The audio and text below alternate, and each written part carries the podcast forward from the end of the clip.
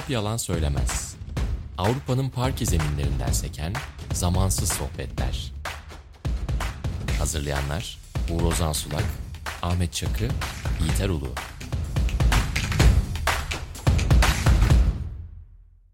Sokrates'ten merhaba. Top Yalan Söylemez'in 6. bölümüyle karşınızdayız. Ben Uğur Ozan Sulak, Ahmet Çakı ve Yiğiter Ulu'la birlikte Euroligi konuşacağız. Ee, her zaman olduğu gibi hoş geldiniz. Merhaba. Merhaba.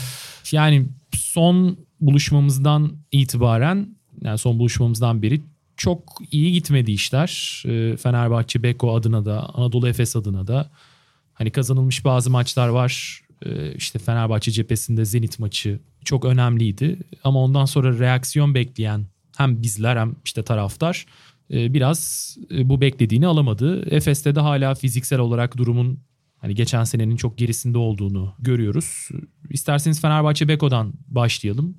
Ahmet abi yani sağ içindeki problemleri nasıl görüyorsun? Yani bu takımda evet psikolojik bazı problemler olduğu, takımın aynı hedef etrafına kenetlenmediği ya da o sinerjiyi yaratamadığı en azından şimdilik e, ortada. Ama e, yani sağ içindeki sıkıntıları, sorunları sen nasıl değerlendirirsin? Şimdi Fenerbahçe Beko bu yıl bize şunu gösterdi ki olmazsa olmazı enerji bu takımın. Enerji üzerine ki lige de çok enerjik hatta biz burada konuşurken de bilinçli bir şekilde lige çok hazır başladığını, başının çok önemli olduğunu, buradan bir pozitif enerji alarak e, o enerjiyi devamlı hale getirmeyi planladıklarını konuşmuştuk. Son haftalarda bir kere biraz maçları kaybetmekten kaynaklı mental etkilerin de e, etkisiyle beraber o enerji düştü ama o enerji olmadan bence bu yılki Fenerbahçe Beko'nun sürekli kazanan bir takım olması zor. Son kaybettiği Alba Berlin maçında tabii ki Dekolo'nun gelmesiyle son 5-6 haftada Lorenzo Brown'un etrafında oluşan bir basketbol varken bu da birazcık tereddüte dönüştü. Yani Lorenzo Brown bir kere burada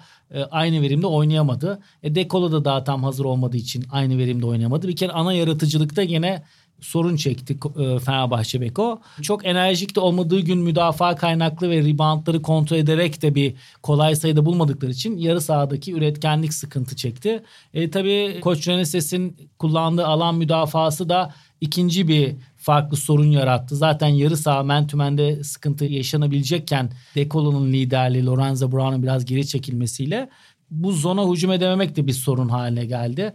E, reboundları da kontrol edemeyince bir de Fenerbahçe maçın başında skor olarak geriye düşünce biraz mental de etkiyle o maçı tekrar alabilecek bir değişikliğe de gidemedi. Bunu da yapamayınca hep takip eden oldu ve enerji de giderek düştü. Tabii ki Alba Berlin'de bu sene Euroleague'de direkt bir hedefi olan bir takım değil. Onun rahatlığıyla da her maçlara çıkıyorlar. Yani kaybetseler de bir sorun yok, kazansalar da. O yüzden de kenardan gelenler de aynı enerjiyle ve aynı ciddiyetle oynadılar. Yani maçın bu kadar farklı bitme nedeni de o. Başka takım oynasanız bazen o takımlar frene basıp böyle 10-15'lerle de bitebiliyor. Bu da tabii maç sonu sonucu sonu düdük çaldığı anda skor da böyle farklı gözükünce biraz daha yıkıcı bir mağlubiyet oldu. Yani bu maçın özelinde e, benim e, gözlemlerim bunlar ama bizim için Fenerbahçe Beko'nun iyi olması için ilk şey bu kimyada yani Dekolo ve Vesel'in etrafında bir de Lorenzo Brown'u koyuyorum oraya. Her zaman söylüyorum bu üçünün ikisi yaratıcı rolünde orada olmalı ve bunu destekleyen bir veya iki oyuncu çıkmalı. Ama bir de takımın hepsinin beraber yarattığı bir sinerji. Çünkü Fenerbahçe Beko'nun kalitesi ancak o zaman ortaya çıkıyor. Her şeyin bu söylediğimiz çerçevesinde olduğunda benim e, Alba Berlin maçına gözlemim buydu. Yiğiter abi e, sen neler söyleyeceksin? Sezonun 13 e, maçında geride kalan 13 maçında Fenerbahçe Beko'nun 5 galibiyeti var ve playoff tablosunun çok uzağında gözüküyor. Tabii bu sarı lacivertli taraftarlar arasında ciddi bir umutsuzluğa neden oldu. Camiada işte bazı değişim yönünde talepte bulunanlar e, olduğunu görüyoruz, duyuyoruz.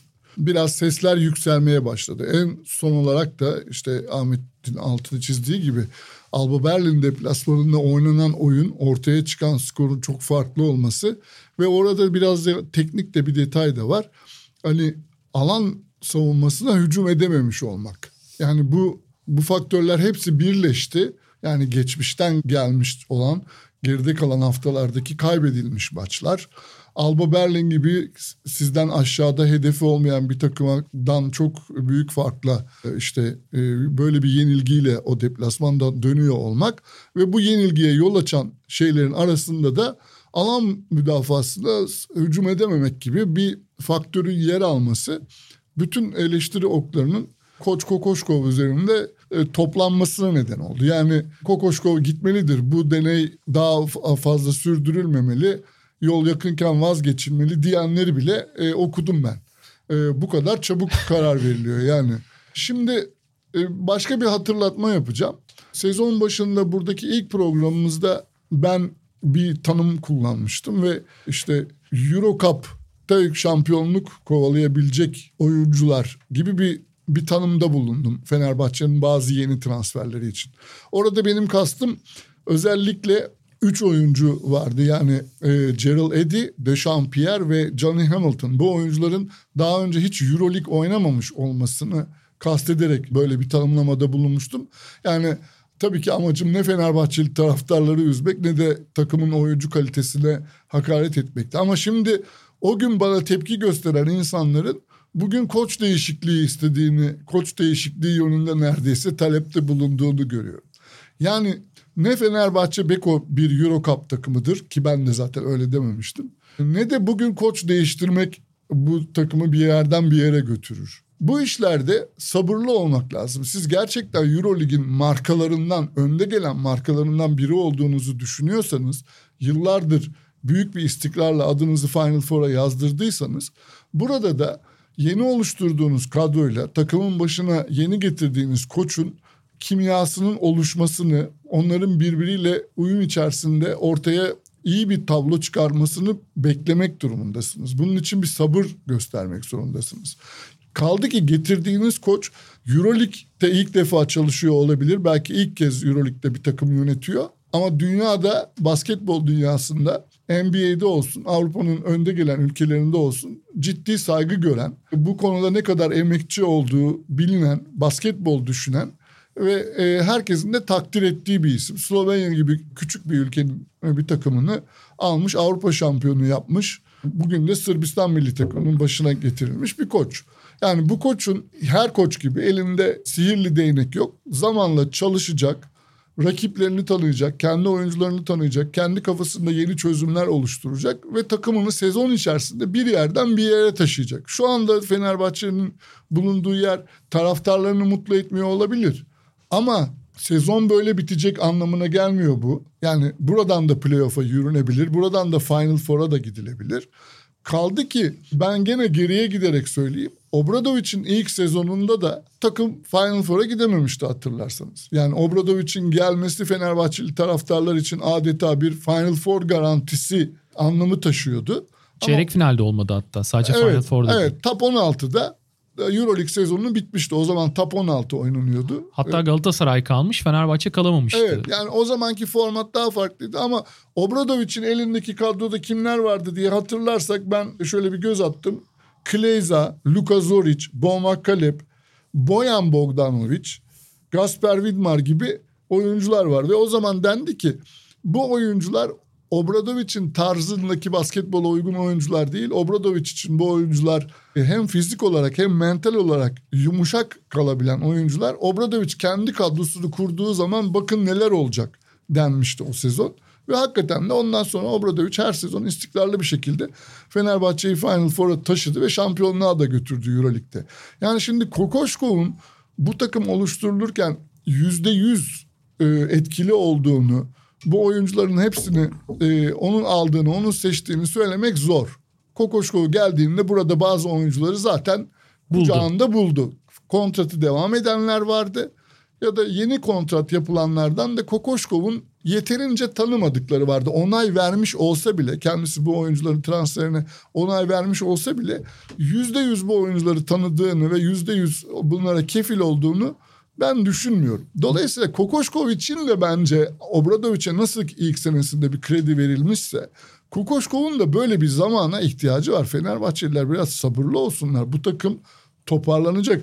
Nando De Colo gibi çok önemli bir figürün haftalarca oynamadığını, arkadaşlarından uzak kaldığını unutmayalım. döndükten sonra da Nando De Colo gibi oynamadığını da teslim edelim. Yani Alba Berlin deplasmanında seyrettiğimiz Nando De Colo bildiğimiz De Colo değildi. Bana e, yani şimdi konuşurken aklıma geldi e, Yiğiter abi. Biraz Pablo Lasso'nun ilk sezonunu hatırlatıyor Ha, Real aslında. Madrid'de, Real tabii. Madrid'de. Yani Bir- sezonun sonunda gider mi acaba falan diye Evet çünkü şu yüzden Real Madrid biliyorsunuz yani hani Ettore Messina da dahil olmak üzere e, birçok çözüm yolu denedi. İşte Plaza belki bir Euro Cup kazandı. O hani 2000'lerin başlangıcından hani 2010'ların Evet. başlangıcına kadar ki o 10 yıllık periyotta e, Real Madrid bir Euroleague takımı değil bir Euro Cup takımıydı aslında. Ve e, Yani Euroleague'de de başarılı olamadı. İşte Final Four oynadığı sanıyorum 2012 sezonu var ama Barcelona Malkovic'ler falan tabii, var. tabii. Yine büyük umutlarla gidip tabii yani ki yani Barcelona'daki. Final Four'a geldiklerini ve maç kazanamadan dördüncü olup döndüklerini hatırlıyorum. Pa- 2011 miydi o? 12, 12 e, şey 12 13 yani 13. o şey 12 İstanbul 12 e, galiba. 12 bir 13. önceki galiba. O, Ya da bir önceki şey, olabilir. e, Obradovic'in Panathinaikos şampiyon yaptı. Neyse. Şöyle yani Pablo Lasso'nun ilk sezon, sezonu derken aklıma şu geldi. İşte o yıl Katsikaris'in Bilbao'su e, İyiydi, final oynadılar e, yo şey evet de Euroleague'deki grupta da Real Madrid'i onlar elemişlerdi. Hmm, E, doğru. 2011-12 sezonu. Zaten işte Olympiakos'un şampiyon olduğu, Sinan Erdem'de Final Four'un Evet. olduğu sezon. Ve e, çok benzer eleştiriler vardı. Yani Pablo Lasso'nun da zaten Euroleague'de ilk sezonuydu. E, hatırlıyorum ve hani Real Madrid çok çok çok pahalı bir kadroda, çok çok çok tecrübesiz bir koça Evet. Güvenmeyi tercih etti. Zaten İspanyollar o Pablo Lasso'nun koç oluşunu hep anlatırlar. Hiç kimse beklemezken e, Real Madrid'e küçük, gelmesi. küçük bir takımın e, San Sebastian'ın koçuyken oradan e, oyunculuk kariyeriyle o koçluğu aldığı hep konuşulur. Hatta ilk yılda çok başarısızdı. Normalde kim olsa gönderilirdi. Tabii hep ki. derler. Ya benim de aklıma o geldi. Yani şu yüzden şimdi Igor Kokoşkov, Pablo Lasso hani tarz olarak çok farklı insanlar olabilir. Pablo Lasso çünkü çok iyi bir iletişimci. Yani Bir de yetiştirici. ve yetiştirir. Bana göre yani paket halinde düşündüğümüzde işte oyuncu yetiştirme, rekabetçi kalma, ne bileyim yönetimde ilişki, medya Çok iyi. ile ilişki hepsini toparladığımızda aktüel olarak Avrupa'nın Öyle En ki iyisi ama bence. kendi Full evinde package diyebilir miyiz? kendi evinde olmasının Tamam. avantajları da var. Yani Real Madrid'de geçmişte oyunculuğu var.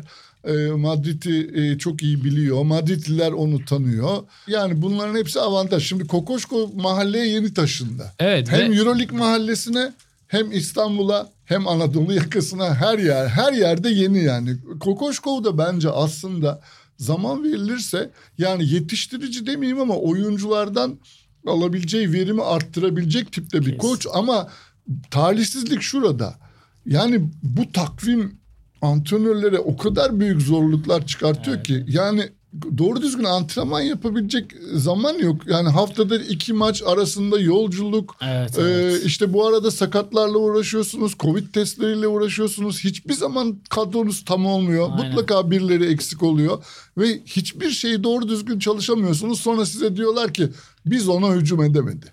yani Ben bununla bu şey haksızlık eklemek bence. istiyorum İtiraf. Gerçekten Euroleague şu an bilinmeyenleri minimize etmek için çok önemli bir yer. Yani Euroleague'de oynuyorsanız her hafta bilinmeyeninizi sıfıra yakın yap, sıfır yapmak mümkün değil ama 1'e 2'ye indirmek lazım.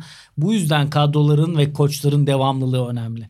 Bir yıl, iki yıl, üç yıl Pablo Lasso diyoruz. Anadolu Efes'in başarısı diyoruz. Şimdi Alba Berlin maçını bile konuşurken çıktığı anda bilinmeyeni çok fazla Fenerbahçe. Neden? Sakatlıktan gelmiş bir dekolo var. Lorenzo Brown'un rolü o geldiği için değişiyor. İşte Zon o bile bir bile- bilinmeyen NBA'den gelmiş bir koç için çok rastlanan bir şey değil. E, üzerine şimdi burada geçen haftalarda Fenerbahçe'nin transferle ilgili konuştuğumuzda da ben hep olmadan geçmeye inanıyorum. Çünkü her yeni transfer başka bir bilinmeyen getiriyor. Hem onun adaptasyonu hem onun oyuna gelmesi de var. Diğer oyuncunun süresinin düşmesi, arkadaşların ona adaptasyonu. Bu arada arada bir transfer, bir rötuş yapmışsınız. O da Aynen. gelir gelmez sakatlanmış. Yani onu yerine aldığınız adam da rahatsız olmuş. Aynen. O adam da sizin takımınıza katılamamış. Yani ben koçla ilgili şeyleri sizin gibi takip edemedim. Bilmiyorum ama Euroleague'de koç değiştirmek bilinmeyenleri çarpı 100 demek yani. Her oyuncuyla, her düzenle ilgili. O yüzden yani normal Euroleague'de olmayan takımlar için bile büyük bir riskken Euroleague'de sırf o 1-2 hafta böyle koç değişikliğiyle bir pozitif enerji yaratmak için yapmak bence herhangi bir Euroleague takımı için çok büyük yıkım olur. Çünkü dediğim gibi bir gününüz var bir maça hazırlanmak için. Bir maç bitiyor öbürsü gün bir gün daha var. Seyahat var ve ben hiç bu Covid-19 ile ilgili protokolleri katmadan konuşuyorum. Bunu Euroleague'in geldiği bu kadar çok takımla ve bu füksür oynanan yerde. O yüzden yani o çok büyük bir acemilik olur. Çünkü Fenerbahçe e, Beko'nun yani Euroleague'de kazandığı bir prestij var. Bunda tabii ki kazanılan maçların etkisi çok büyük olduğu gibi bir de bu işin bir yönetim tarzı var, bir duruşu var. Yani siz bir 7 yıllık bir koçtan sonra bir koç alıyorsunuz. NBA'den geliyor ne olursa olsun. Head coachlukta başarılı olamamış olabilir orada. Oradan bir insanı buraya adapte etmeye karar veriyorsunuz. Yenilikçi yaklaşım ki bu transfer olduğunda herkes çok değişik bir hamle olarak Fenerbahçe'yi takdir etti. Yani ülke evet. içinde, ülke dışından bir saygı kazandı Fenerbahçe tekrardan. Bunu bu şekilde daha Aralık ayının başında bu, bu yani benim belki haddime değil bir kulüple ama bu çok büyük bir acemilik olur bence. Peki yani alan savunmasıyla alakalı Ahmet abi e, biraz hani konuştun ama geçen sene ben bir maç hatırlıyorum. Alba Jalgiris'ti galiba. Aito. Baksenvan evet. Baksenvan. Reneses e, sever onu. Üzeri, üzeri işte şey adam adamaya dönmüştü. 2-3 evet. zonda oynatmıştı. Ama o Zagis çok feci durumdaydı. Evet. Ya. Yani o gün ben tümen de olsa yani Yasikevich sorunu tamamlayamadın özür dilerim Yo, ama. direkt hatırladın sen de maçı. Ben de... Yani maç hafızan fena değildir Ozancım. Şey o Yasikevicius'un zaten 6-7 maç üstte kaybettikleri evet. bir dönemdi. İşte kendilerince denemeler yaptı. Kaybetmekten rahatsızlık duymadı. Hatta onun üzerine transferler falan oldu. Kötü bir Zagris yani yarı sahada 50 sayıyı zor bulan bir takımdı. Bir de Baksanvan'ı görünce 45'te falan kalmışlardı maçın son bölümüne gelene kadar. Ama Reneses'in sepetinde mi denir? Böyle şeyler vardır. Bir maça Cebinde. özel bir Baksanvan, bir maça özel bir zon ki Eski ee, defterleri karıştırıyor. Evet evet. Yani Valencia es- maçında da denemişlerdi ama şeyi söylüyorum ya bu 2-1-2 işte 3-2 Nikic'i kullandı, Olinde'yi kullandı evet, e, evet, evet. zonun içerisinde. Aynen. Yani yani böyle maçın başından itibaren ilk toptan itibaren bunu deneyen bir takım yakın dönemde hatırlıyor musun? Hatırlamıyor. Yani nasıl bakıyorsun daha doğrusu buna? Yani şöyle bakıyorum. Alan müdafası esasında bu modern basketbolda biraz değerini kaybetmişti. Ama bu NBA'de Miami Heat'in kullanmasıyla beraber ki Reneses bunu geçen yılda yapıyor daha öncelerinde de. Artık bu ikili oyun üzerinden çok fazla atak etmek yüksek olduğu için işte bunun çözümü Euroleague'de switch'ti. Ama switch kullanmayan koçlar da o düzenden uzaklaştırmak için tercih ediyorlar. Renestes burada şöyle bir e, akıllılık da etti. Sonuçta rakibe baktığınızda Fenerbahçe gerçekten quick hitter dediğimiz 1-2 action üstü hemen oynayan bir takım. Bunu elinden almak için sonuçta zon tutmasa bile rakibin en önemli silahını yapmak istediğinden uzaklaştırıyorsunuz. Başına bir iki şut girse bile bunu tercih eder Reneses. Ki Koç da gerçekten alan müdafasıyla az e, karşılaşmış bir koç. Bir de köşelerde de pek hani çözüm de yoktu sanki Fenerbahçe'de bilmiyorum ama. Ya şimdi koçun yaklaşımı Avrupa'yı bir koçun, Avrupalı bir koçun e, alan müdafasına hücumu gibi değil. Yine ona man'de olduğu gibi sürpriz işte arkaya bir backpick'le bir aleyup veya işte o aleyupu vermezse köşeye backpick sonu bir şut gibi daha önce Türkiye Ligi'ndeki karşılaştığı zonlarda da öyle hücum ediyordu. E tabi onlar bütün maç işleyecek düzenler değil. Daha çok bir mola çıkışında bir tane e, oyunla bulup sürpriz sayı bularak hatta lig maçında Karşıyaka da yaptı. Daha hazırlardı mesela. Hiç zorlanmadılar alan müdafasına e, iki gün önce oynanan maçta. Böyle olunca da alan müdafası doğru bir tercih oldu. Çünkü koçun tercihi de anlık çözüm ve takımın da buna bir e, geliştirdiği bir refleks yok. Daha çok e, düşünsenize antrenmanlarınızın %95'ini men to men hücum ve men to men müdafaya ayırıyorsunuz. Bu %95'ini %80'i e, hele Fenerbahçe'yi konuşacak olursak çok low post tercih etmiyorlar.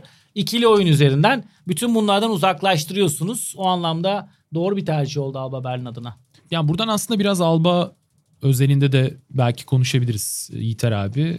Yani Fenerbahçe'ye karşı yani biraz hani böyle söylemekte bence bir his yok. Ya karizmayı çizen bir mağlubiyet oldu koç açısından bakıldığında. Yani şunu demeye çalışıyorum. Evet biz Kokoşkov'la alakalı e, verilmesi gereken krediye dair zaten söyleyeceğimizi söyledik. E, ama yani Aito bir Eurolig'e hoş geldin dedi bence Kokoşkova'da e, maç özelinde ve Alba'da şunu da söylemek lazım. Yani toplam skor gücünün neredeyse üçte birinden yararlanamayan bir takım e, Evet, bu maç Fontecchio özelinde. yoktu. Fontecchio yoktu. Ben şey, Lammers Lammers yoktu. yoktu.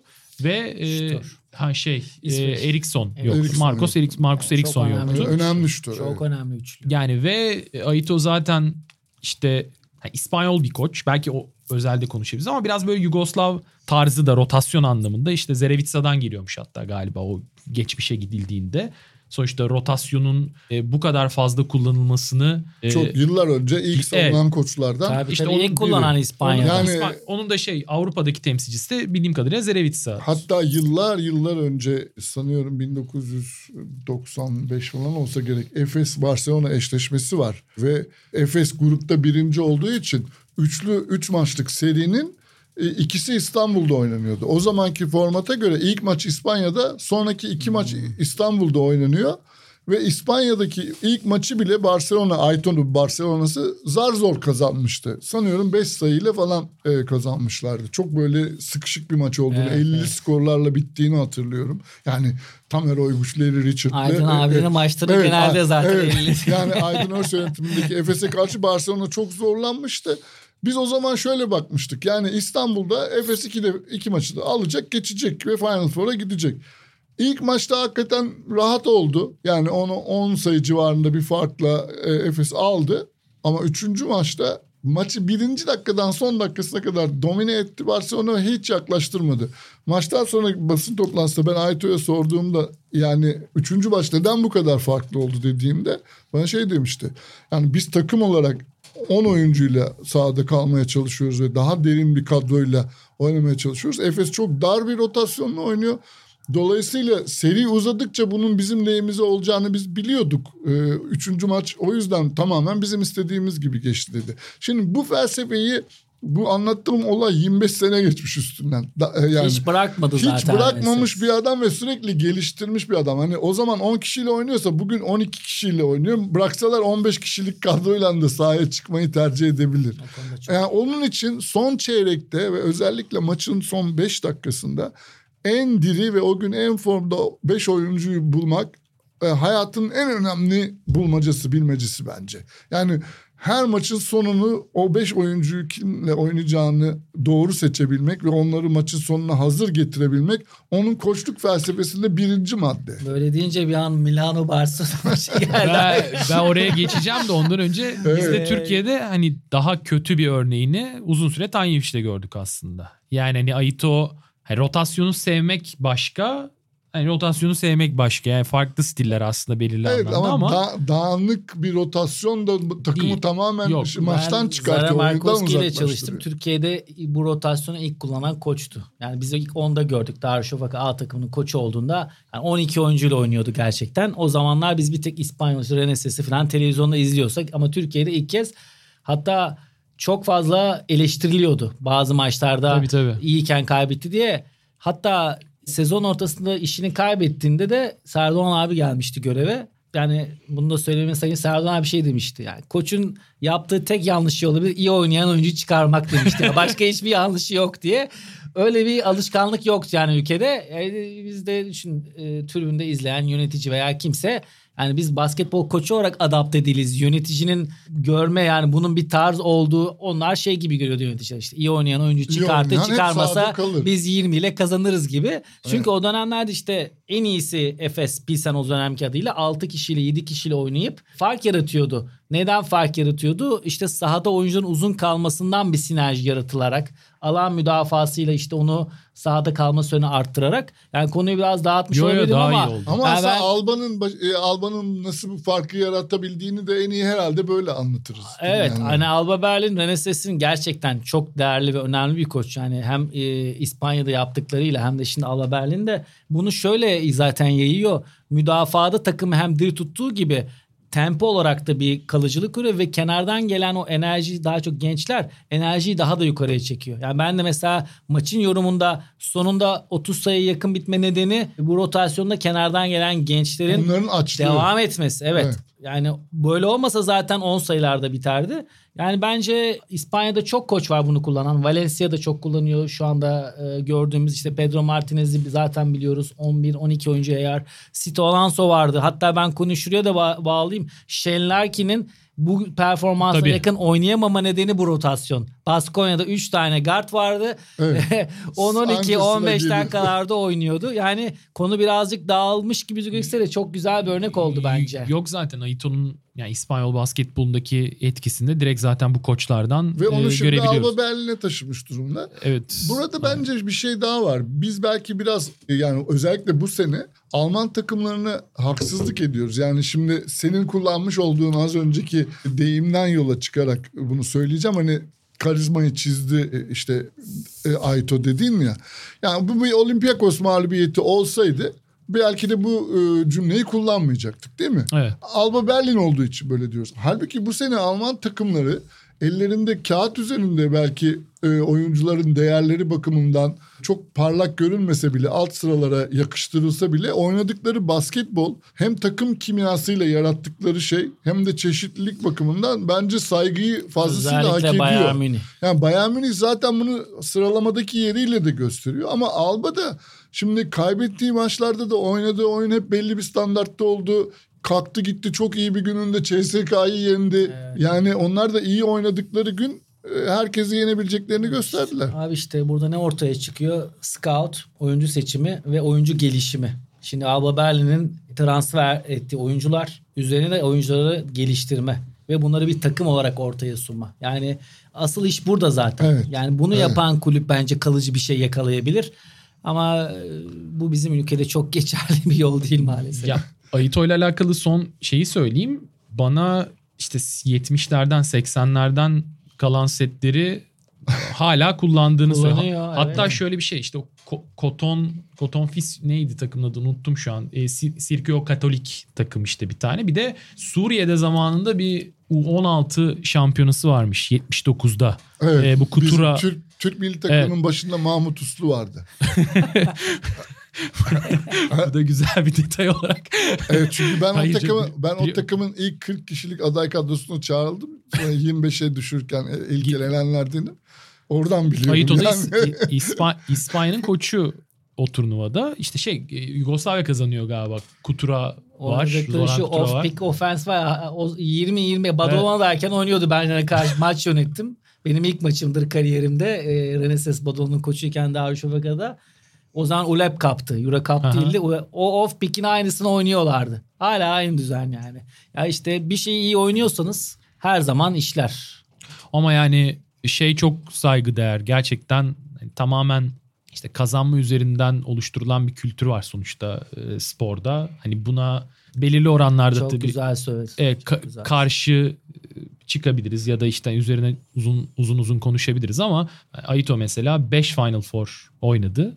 Kazanamadı. Hepsini kaybetti. Hiç kazanamadı. Hiç kazanamadı. Ve yani o kadar dramatik kaybettikleri Vran-. Brankovic'in Brankovic'in bloğu Evet. yani herkes onun basket olduğunu kabul etti ama hakemler etmedi Ama yani. ama günün sonunda baktığınızda 40 yıldır basketbola Bence en güzel Yön- sen söyledin Ozan. Yani Reneses'in oynattığı basketbolun güzelliği kazan ama ka- kazanmayı bir kenara koyarak takım, kulüp, kültür yaratma, oyuncu geliştirmeyi bir numaradır yani. Onun Ay- üzerine ben geçen sene ben çok sevindim. Mesela işte Alba'nın şampiyon olması. Çünkü pandemi sebebiyle kesildi sezon. Aito'nun da 2001'den beri e, lig şampiyonluğu yoktu. Yani 19 sene olmuş. Evet. Hani belki oynattığı takımlar, yani çalıştırdığı takımlar çok da müsait değildi Evet, bütçelerle karşılaştırdığımızda. soller Evet ama Unika ile belki bir tane alabilirdi işte zaman. Sataronski ile e, Porzingis. Porzingis'i Kahasol'dan çıkar. Ya Aynen. ben ya bu tarz e, koçluğun da var olduğunu bence çünkü ya, Euroleague oynanıyor bir şampiyon bir finalist dört tane Final Four takımı çıkıyor. İşte Türkiye Ligi oynanıyor. Euro Cup oynanıyor. Yani her kulübün, her koçun hedefi de bu şampiyonluk ve bu olmamalı zaten. Bu modelin de bence yaygınlaştırılması lazım. Çok kolay olmasa da günümüzde. Peki burayı ben biraz uzattım. Sevdiğim bir Ama Bir koç ve oldu. koç ve konu olunca koça geldiği için sıra. aynen yani Aa. buradan Anadolu Efes'le devam edelim. Sezonun en talihsiz takımlarından biri e, temsilcimiz Efes'te. Yani tam ritim bulunurken e, işte mesela Boboa'nın sakatlığı, Dunstan'ın sakatlığı sezon zaten çok sıkıntılı başlamıştı. Ama Shane Larkin'in fiziksel olarak hani eski seviyesini bıraktım. Şimdi Olympiakos maçında mesela o yani ilk gelişiyle birlikte yaratılan doğal enerjiden belki kaynaklı iyi gözüktüğünü söyleyebiliriz bence ilk maça oranla ama oradan sonra Ee, belki mini maçların etkisi, belki mevcut maç programının yine etkisiyle birlikte. Yani yukarı çıkmaktansa ya aynı kaldı ya aşağı düştü fiziksel olarak. Sanki daha yorgun ve daha e, bitkin gözüküyor. Bu da hani aklındaki bazı şeyleri sahaya koyamamasıyla e, bence biraz sonuçlandı. Psikolojik de etkisi oldu bunun. Asfer maçında mesela yani e, iyi gözükmüyordu kenardan. Yani Efes'e baktığınızda diğer takımların da iyi devam etme işi. Barcelona çok kayıp yaşadı. işte Milano çok kayıp yaşadı. CSK bir sallandı. Tekrar raya oturdu. Hani Efes zor bir fikstürdeyken e, majör bir problem olarak görüyor musunuz? E, mevcut oyuncuların form düşüklüğünü, fiziksel olarak hala hazır hale gelmeyişini. Yoksa sezonun bu bölümünde problem yok mu? Yiğiter abi. Şimdi Efes herkesin e, gördüğü ve kabul ettiği gibi bir ritim takımı. Yani Efes iyi oynarken o bize çok zevk veren, izlerken zevk veren basketbolu oynarken ve peş peşe galibiyetleri alırken geçen sezon inanılmaz e, bir hücum ritmine ulaşıyorlardı. Yani burada beraber oynamanın getirdiği uyum, oyuncuların birbirinin ne yapacağını çok iyi biliyor olması ve belli tempolara çok kısa sürele e, yani göz açıp kapatıncaya kadar takımın bir anda vites değiştirerek çıkabiliyor olması. Burada başrolü oynayan tabii iki tane topu en çok e, elini tutan, en çok yön veren iki oyuncunun kalitesi yani e, Vasilya Misic ve Shane Larkin'in olağanüstü yaratıcılıkları diyeyim. Arkadaşlarının da işlerini çok kolaylaştırıyordu. Ama burada hani böyle biz Efes'i izlerken sanki çok uzun süredir birlikte prova yapan bir senfoni orkestrasını hani o iki tane e, şefin yönetiminde neredeyse birbirlerine bakmadan son derece akıcı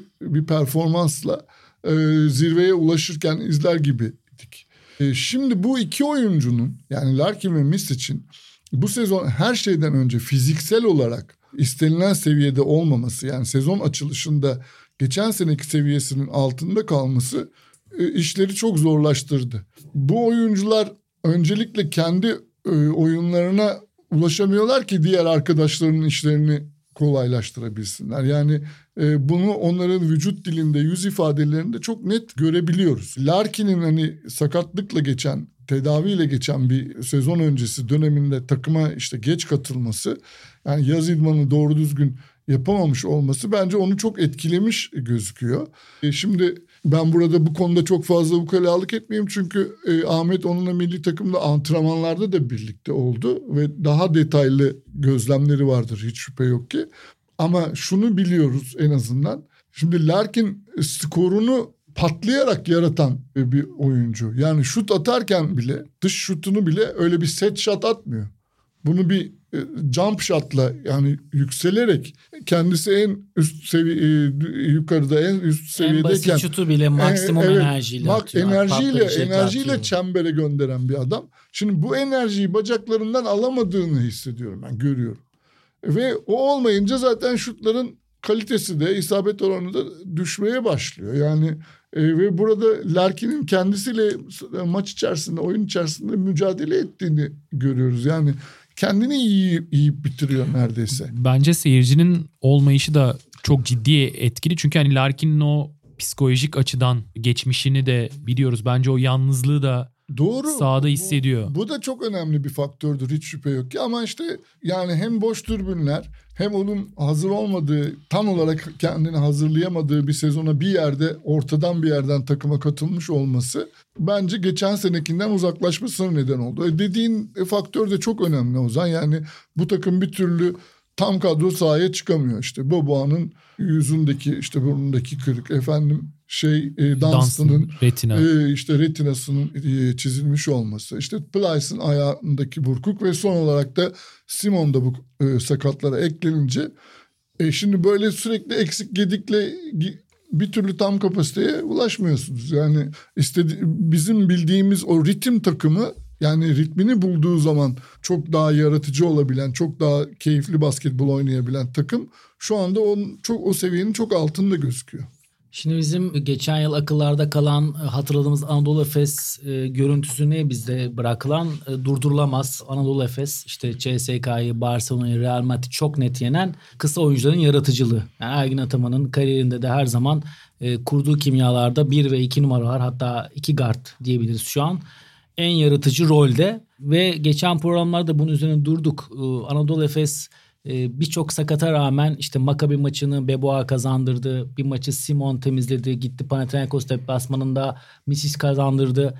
Bunların hepsi e, çok değerli galibiyetlerdi ama Anadolu Efes ne zaman Larkin ve Misic'in yaratıcılığında hem kendi skorlarını atmaları hem etraflarına yarattık, yarattıkları skoru bulduklarında o zaman diğer oyuncuların da rollerini çok iyi yapmasıyla Dunstan, Plyce, Anderson hepsinin devreye doğru girmesiyle durdurulamaz bir takım oluyor. O yüzden bu iki oyuncudan aynı yaratıcılığı bulamadığı zaman hem iyi gözükmüyor bu sefer ya işte Anadolu Efes'te bir sorun mu var gibi bir algı yaratılıyor. Ama bu seçilen basketbol tarzında kısa oyuncuların formunun istikrarı çok önemli. Bunun olmama nedeni Shane Larkin'in uzun süreli sakatlığı. Devamında da Misic, üzerine Beboa ve şu anda da Simon'un ki Simon özellikle Joker rolünde bir oyuncu bu takımda yaklaşık iki buçuk ay boyunca istikrarlı bir katkı verdi sezonun başından itibaren. O yüzden bence bu çok önemli. Ama Anadolu Efes'te ben biraz şunu da görüyorum. Şimdi yaklaşık iki yılı çok üst düzey oynayarak geçen yıl özellikle Euroligi domine ettiler yani. Hem basketbol oyunlarıyla hem kazanış tarzlarıyla yani yenmedikleri takım kalmadı. Real Madrid tarihlerinde hiç yenememişler gittiler deplasmanda yendiler. İşte CSK deplasmanını bunun üzerine şöyle bir güven de görüyorum ben Anadolu Efes'te. Ya biz Toparlarız. zaten şampiyonduk. Şampiyonduk bu bir talihsizlik oldu. Yüzyılın talihsizliği. Ya biz o gün geldiğinde bu şampiyonluğu alacağız. Güveni ve kendilerinde bu hissiyatı da görüyorum ben. Ama burada ne var? Oraya gelene kadar, Mayıs'a gelene kadar Anadolu Efes'in hem sağlıklı kalıp hem de bireysel olarak oyuncuların formlarına yaklaşması lazım. Çünkü ben Asvel maçını salonda izledim. Yani o bench'teki Plyce'ın, Dunstan'ın işte arkadaşlarına destek oluşu sayıda ya bir kez daha dedim bu takım özel bir takım yani. Bir ki yani kötü kazandılar ama iyi olmadıkları bir günde bu kadar destekçi olan bir takım. Hele seyirci olmaması yani bu Covid seyirci açısından bence en çok Anadolu Efes'i vurdu. Çünkü Anadolu Efes biliyoruz ki seyirci açısından en şanssız kulüptür. İşte bir futbol kulübü olmaması, bir taraftar grubu olması ama son iki yılda Avrupa'daki Avrupa'daki yarattı. en iyi 2-3 seyirciden birine sahip Anadolu Efes. O yüzden yani ben hatta e, Asya maçına gitme Alper'i gördüğümde ona da söyledim Alper Yılmaz'a, GM Alper Yılmaz'a. Ya bu Covid en çok sizi vurdu diye. Çünkü Anadolu Efes'in tarihinde olmayan bir seyirci desteği ve doğal olarak oluşmuş başarıyla sahada sağlanan organizasyonun başarısıyla sağlanmış. O da çok üzücü. E, Shane Larkin tabii ki asıl sıkıntı yazın büyük, büyük bir bölümünü hatta hiçbir bölümüne katılamamış olması ki yani sen Olympiakos maçını mesela örnek olarak verdin ama ben Olympiakos maçından sonra düşüş olmasını bekliyordum. Çünkü bu tür sakatlıklarda bu tür sahayı çok özlemiş oyuncularda ilk maç her zaman bayram yeri gibidir, şölen gibidir. Orada böyle bir adrenalinle beraber, özlemle beraber hep normalin üzerinde bir performans çıkılır. Sonra bir düşüş olur. Sonra kalıcı bir şekilde, istikrarlı bir şekilde performans artar. Maalesef devamında tekrar sanırım Covid oldu. Ondan kaynaklı bir daha ara vermesi e, onun için bayağı kötü oldu. Çünkü sonrasında da antrenmana vakit olmadığı için e, evet. sürekli maçta ritim bulmaya çalıştı. Ben sıkıntıyı e, Shane Larkin bölümünde o şekilde görüyorum. Ama Anadolu Efes'in dediğim gibi şimdi Aralık, Ocak buraları Şubat'ı da hadi katalım iyi geçip yani çok büyük bir kayıp vermezse çünkü ben Koç Ergin Ataman'da da o güveni görüyorum. Yani kaybedilen maçlardan sonraki bile konuşmalarında da hep dolu tarafı daha yukarıda görüyorlar bardağın dolu tarafını. Yani Euroleague bence böyle bir yer. Böyle olmalısın zaten. Euro'yu kazanmak istiyorsan, kalıcı bir şey yapmak istiyorsan bu bakış açısı olmalı. Bugün kaybettik her şey kötü. Kazandık bir sayıyla her şeyden çok e, artlarını eksini bilerek bunları yolda da biraz yönetmektir. Yani zaten artık e, takımlarda işte GM'ler var, sportif direktörler var, koç var, biz coaching staff var. Bütün bunlar bunu yönetmek için bence e, günlük skorlardan çok buna odaklanmak önemli. Yani elinde kalıcı ne var? Hepimiz biliyoruz ki Anadolu Efes'in elinde kalıcı olarak geçen yılı domine etmiş bir takım var. O yüzden ben çok olumlu olduğumu söylemek istiyorum. Ee, peki buradan diğer Final Four adayları takımlara e, belki biraz göz atarız. Ee, önceki programlarda çok fazla hani Barcelona konuştuk, işte Real Madrid konuştuk, CSK konuştuk. Ee, Milano'yu çok detaylıca e, değerlendirmemiştik. Milano'da hani dönem dönem gerçekten e, Final Four adayı ve şampiyonluk adayı iki takım ortasında gibi yani hüviyetinde gibi bu iki e, titrin ortasında gibi. Bazen de hani Final Four adayı olmaktan uzak sanki hani normal sezonda işte playoff yapacak ve yukarıdaki takımlardan birine eğer ilk dörde giremezse kaybedecek gibi gözüküyor. İşte Brindisi'ye İtalya Ligi'nde kaybettiler. Barcelona'ya karşı şahsen benim e, Ettore Messina'nın kişisel Euroleague kariyerinde En kötü kaybettiğim en, maçlardan biri. e, herhalde ilk beşe yazarım.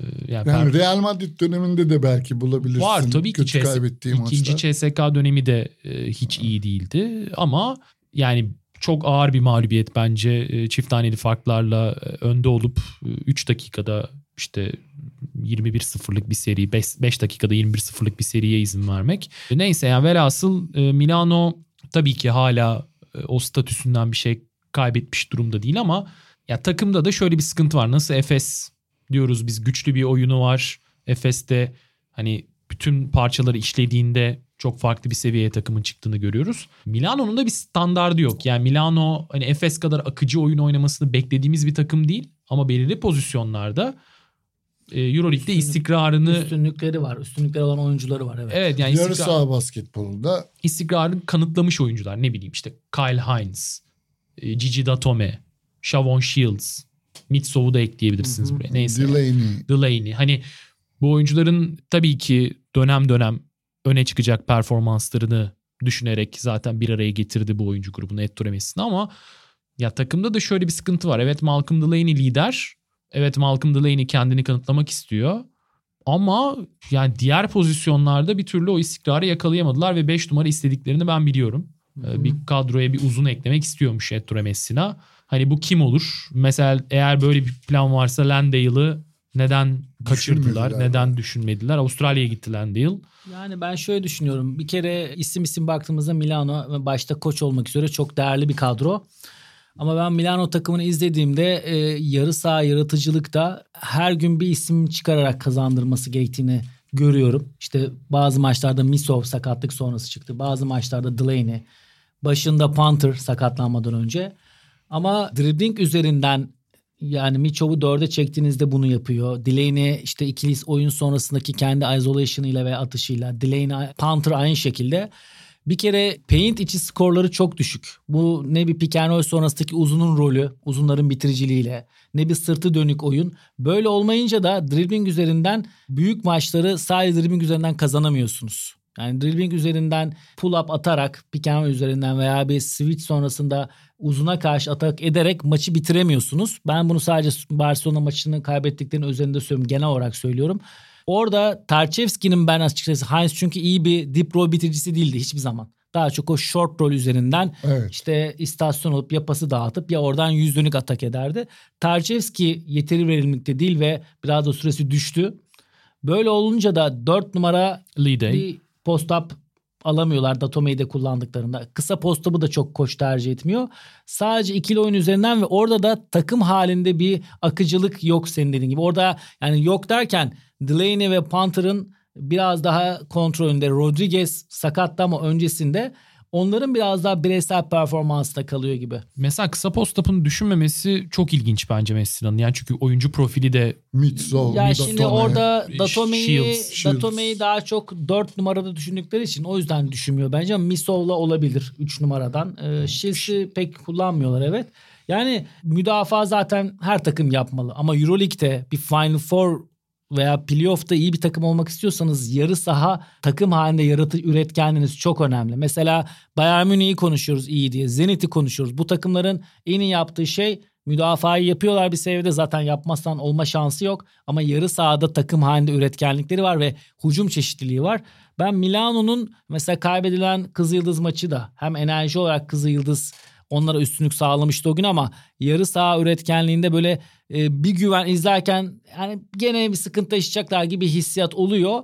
Eğer orayı takım haki muhakkak çözebilecek hem zamanları var hem kadroları var hem de çok tecrübeli bir koç var. Çözerlerse bence Final Four adayı kesinlikle ama çözemezlerse bir anda playoff dışı bile kalabilir. Çünkü takımda da çok fazla tecrübeli ve böyle hem sonuna kadar hedefte koşacak ama işler kötü gittiğinde de böyle birazcık kopabilecek isimler var gibi geliyor bana. ki son yani İtalyan takımının en son Final Four yaptığı e, sene 2011 Barcelona'da işte Siena Siena vardı. Final Four'a Bir de kalmıştı. çok yazık kaçırdıkları bir Makabi'ye. Makabi'nin şampiyon Evet. oldukları sene asıl o sene çok hak etmişlerdi. 2014 Aynen. e, şey Çok e. Banki koçtu. Çok ha- hak etmişlerdi. Daniel Hack- Hackett'lı takım. Yani hani şöyle geçmişe baktığımız zaman aslında şunu da söyleyebiliriz. Yani Fenerbahçe, Real Madrid, CSK, Olympiakos dörtlüsünü hani son dönemde ayıralım. Bunlar beklenilen takımlar. Hadi Efes'i de geçen seneden çıkaralım.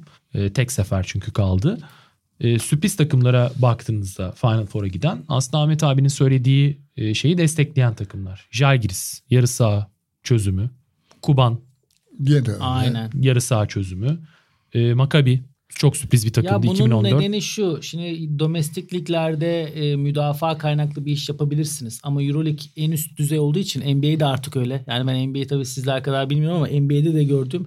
Artık müdafayı zaten Euroleague'de herkes bir seviyede yaptığı için hücumu yapıp fark yaratmanız lazım. Yoksa çok düşük sayılarda kalıyorsunuz. O yüzden hücum maalesef her koç ve her takım ister ki hücum edemediğim günde müdafaa ile işi bitireyim ama hücum çok önem kazandı. Perasovic'in Aslında bu Laborali de dahil buraya. Evet Aynen. aslında bu takım da kurulurken biraz öyle düşünülmüş gibi geliyor bana. Yani bir önce şeyden başlayalım. Yani İtalyan basketbolunda çok uzun süredir devam etmekte olan hayal kırıklıkları ve bu hayal kırıklıklarının artık bu sene Olimpia Milano üzerinde, Armani Milano üzerinde e, yaratmış olduğu baskı. Yani bu sene artık orada olmamız lazım dediler ve çok da ciddi bir para harcadılar, bütçe ayırdılar.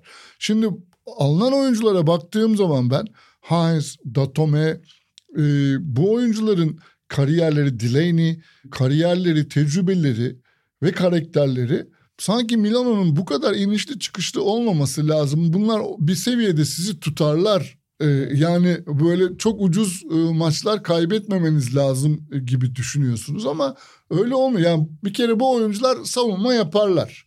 Bir kere bu oyuncular sertler. Fiziksel mücadeleden kaçmazlar. Mental olarak kolay kolay eğip bükemeyeceğiniz, e, üstünlük sağlayamayacağınız karakterler. Tecrübeleri de onlara çok yardımcı oluyor. Ha burada hücumdaki işte yaratıcılık koçun e, biraz koçun biraz da Delaney'nin e, yani en çok tabii herhalde eline bakılacak olan oyuncu Delaney. Delaney'e kalmış gözüküyordu. Şimdi oralarda bu iki faktör de şu ana kadar bekleneni vermiş değil. Yani Messina da şapkadan böyle büyük bir tavşan çıkartamadı. Delaney de üzerine yıkılan e, maçlardan herhangi birini alıp götüremedi. Şimdi Ahmet'in altını çizmiş olduğu boyalı bölgeden çember e, yani çemberin hemen altından basket çıkarma konusundaki verimsizlikleri bence dışarıya doğru şütörlerin üzerine e, doğru da e, baskının artmasına yol açıyor. Özellikle maçın sonları geldiğinde. Evet orada hakikaten Heinz'in yanı sıra yani Heinz e, foul line civarından daha çok bir şeyler çıkartabilen e, bir adam. Çembere kadar gidip hakikaten orada iş yapabilecek birini bulmaları lazım. Yani Tarçevski o adam mı? Pek değil. Yani çok çok becerikli. Ve e, müdafaa için de geçerli. Araya girdim ama müdafaada da Kyle Hines çok iyi bir adam değişme müdafası ama çok iyi bir paint koruyucusu değil. Çember, evet, çember koruyucusu, değil. koruyucusu değil. Hücumdaki bu ritimsizlik aynı zamanda sezon başındaki çok üst düzey baskılı yarı saha müdafaa yapan e, Milano müdafasına düşürdü. Bu sefer müdafada da 85'li 90'lı sayıları yemeye başladılar. Yani tabii ki ben burada hücum kalitesinin öneminden bahsediyorum ama basketbolda ikisini birden tamamen ayırmak da mümkün değil. Çünkü birini yapamadığınızda öbürünü yapma Öbürü şansınız kalmıyor. Yani belki müdafada bu kadar sert adamın yanında Tarçevski belki gelip yardım müdafasında bir çember koruyucu rolü alabilirdi ama ona da hücumda çok fazla güvenilmediği için onun sahada kaldığı süreler uzun olmuyor. Esas da ben çok beğeniyordum Tarçeski'yi. Yani Pircani döneminde Milano'nun ayakta kalan uzunu diyordum. Çünkü hiç topa dokunmadan screen, roll, rebound, bitirişleri yaparken ve böyle kısaların da bu kadar yetenekli işte Panther, Delaney, Rodriguez gibi kısalarınız varsa Micho, Datome gibi esasında Tarçeski tam aralığından uzun ama işte her şey kağıt üzerinde olduğu gibi olmuyor. Basketbolun güzel yanında bu. Yani formül yok. 2-2 daha 4 etmiyor. Bazen bu hesabı yapsanız da bir araya geldiklerinde Ama aynı sonuç çıkmıyor. Yine de potansiyel olarak yani Yo. ben bir playoff takımı olduklarını e, yani ilk 8'de mutlaka yer Evet, alacaklarını yani. düşünüyorum ama Olmalılar. Final Four'a giderler mi? Şu ana kadar olan e, performans hani çok iyimser konuşmamıza el vermiyor. Ben söylemiştim. Bir kere ben Koç Messina'nın yani, yani ben Koç Messina'yı yıllardır takip ediyorum işte NBA'de gitti geldi. Geçen yıl işte olan takımı yönetti diyelim. Bu yıl kendi takımını kurmuşken bir Final Four'da olmasını çok isterim birey olarak. Yani en kötü bir playoff'lara kalıp çünkü e, bu kadar kariyerli ve Avrupa'da iz bırakmış bir koçun tekrar NBA dönüşünde bu yıl playoff'larda olmaması veya Final Four'da olmaması kendi adıma üzücü olur benim. ya e, playoff'ta sevdiğim bir bence playoff'ta bence olur da sonrası yani playoff'ta olamazsa zaten Ama Mayıs Mayıs'a Mayıs'a veya şu Covid'den dolayı Final Four ne zaman oynanacaksa o zamana kadar da köprünün alttan çok sular e, yani bir Akacak. Makabi bir Makabi de var yükselen grafikte. Milano'nun bir şekilde bir hamle Yani performans İtalyan olarak yapması basketbolunun bir lazım. de dönmesini İhtiyaç arzu var. ediyor. A- Yani hem Avrupalı bütün basketbol severler arzu eder. Çünkü korkutucu şöyle bir şey var. Yani şimdi biliyorsunuz Roma çekiliyor ligden. tabii. Yani şimdi Milano tek lokomotif olarak kaldı çok uzun zaman İtalyan basketbolu Bologna için geldi şimdi, Şimdi gerçi. Bologna oraya gelmeye çalışıyor. Ama işte yani Milano'nun bir başarı çizgisi yakalaması lazım ki Bologna'da onu geçmek için hamle yapsın. Şimdi Milano bir yere varamayınca onun arkasındakiler de tamamen oralarda kaldılar. Yani Euro Cup takımları olarak kaldılar ve giderek de hatta küçüldüler yani. Evet bu hafta biraz daha farklı olarak diğer takımları konuştuk. Yani tabii ki Efes ve Fenerbahçe odaklı gittik ama diğer yerlere çok fazla sıçrattım ben konuları. Genel bir Euroleague sohbeti Evet. oldu. Bence gayet keyifli Yo, oldu. bence de e, çok güzel oldu. Dinleyicilerimiz de beğenir inşallah. Bizi dinlediğiniz için teşekkürler diyelim. Eğer şu dakikaya kadar kaldıysanız e, tekrar görüşmek dileğiyle. Hoşçakalın.